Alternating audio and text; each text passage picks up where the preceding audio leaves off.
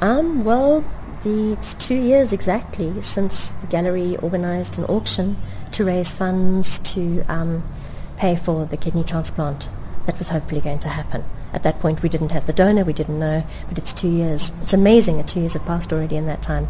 And it's just kind of a celebratory small show in, in the backspace of the gallery. So is daar 'n spesifieke tema vir die uitstalling?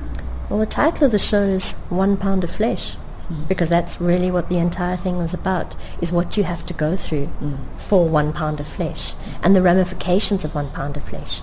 Um, and then I started looking at, um, the, the line itself comes from Shakespeare's Merchant of Venice, one pound of flesh but not one drop of blood.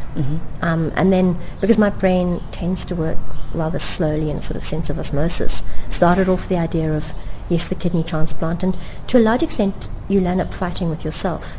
I mean, I'm doing drawings about shadow boxing, because you are shadow boxing. Um, my father taught me boxing when I was a child. I was the surrogate son that never existed. And his old boxing gloves look very much like damaged kidneys. They're old leather. And it's, it's sort of these kidneys that are strapped onto your hands that become the weapons, the things that you have to fight with. You fight your own demons, um, and they become your protection devices as well. So there's that aspect to the show. And also, again, going back to the text from, from the Shakespeare, um, at the cost of ruin. That, that, that's really what, at any price, getting your pound of flesh at the cost of ruin.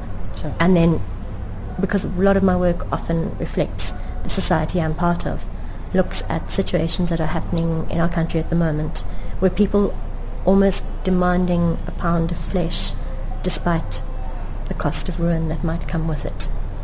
For all the reasons that are correct or incorrect. So there's that ramification that it parallels partly the experiences I went through to save my own life, Yeah. but also the demands that a society places on itself to get its, its expectations. Yeah, despite the, the risk of ruin that comes with it. Maar dit is my altyd die wonderlike van jou werk. Daar's altyd meer as een betekenis daarin. Dit mens kan sien jy dink daaroor. Dis nie net sommer prentjies teken nie. I think, but life works in levels. I mean, nothing is, is, is, is, is sort of face value. And to do a whole body of work just about um, hunt for, you know, survival is, is something, but it's also very self, you know, it's, it's too, it's, it's too self-centered. And one is part of a greater society.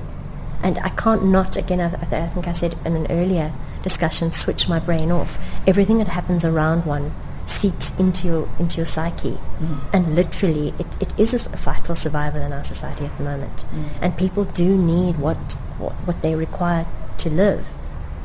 But the implications and the costs are often very high. Mm. And it, it's how to mediate and negotiate around expectations and, and, and fulfillments.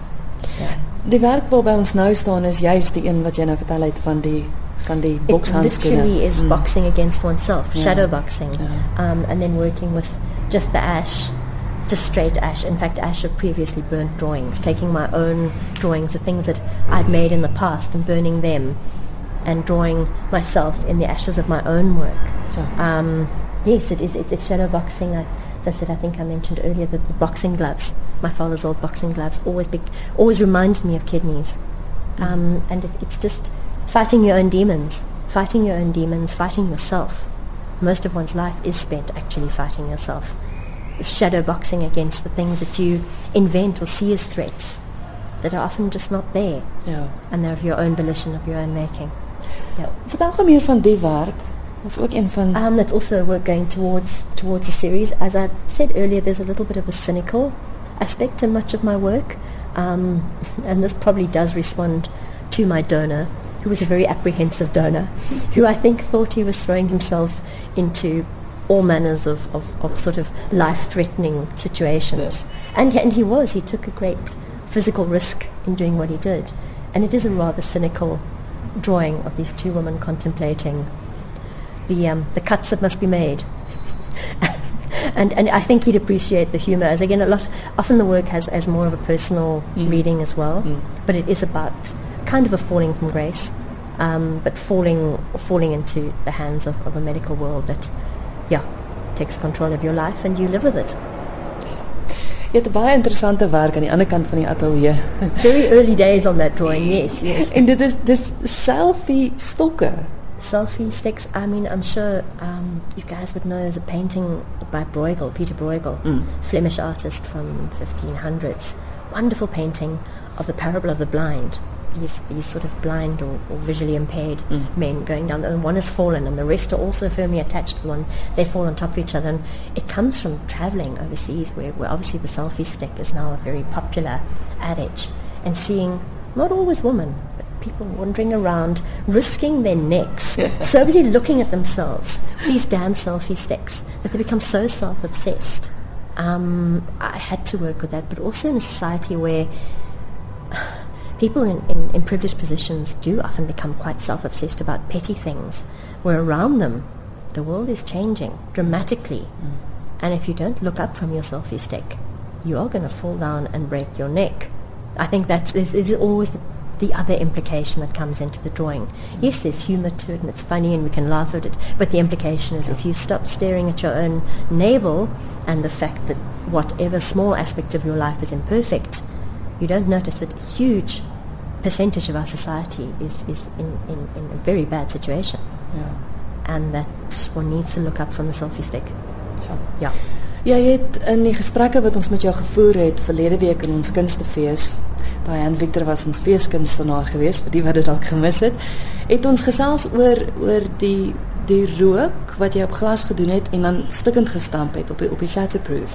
Dit dit vorm ook deel van die uitstalling. Yes, that, that's certainly going to become it's one of the works for the show.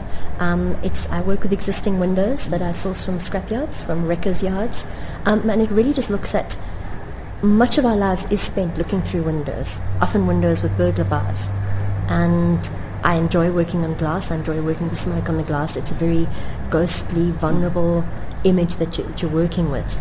Um, but the idea of shattering the glass, which is really part of where our society is about, the marches that occurred less than a week ago, um, although they were very controlled, thankfully so. There have been many marches through the city centre that haven't. And the amount of vandalism and the idea of a broken window um, is really part of our reality. It's, it's the threats that we all live with. We have this veil of glass that we look through to the world outside and, and the shattering that occurs. I'm also, of course, interested in the beauty of the broken Ja. and how often things have to be broken to be more interesting. Waar is die uitstalling van jou te sien? The exhibition is at Goodman, um, Goodman Johannesburg on Jan Smuts Avenue. It's in the small space at the back. It's not the main show. As I say, it's a celebratory show. And it would be wonderful if anyone wanted to go and see it. Or go on their website and have a look at images.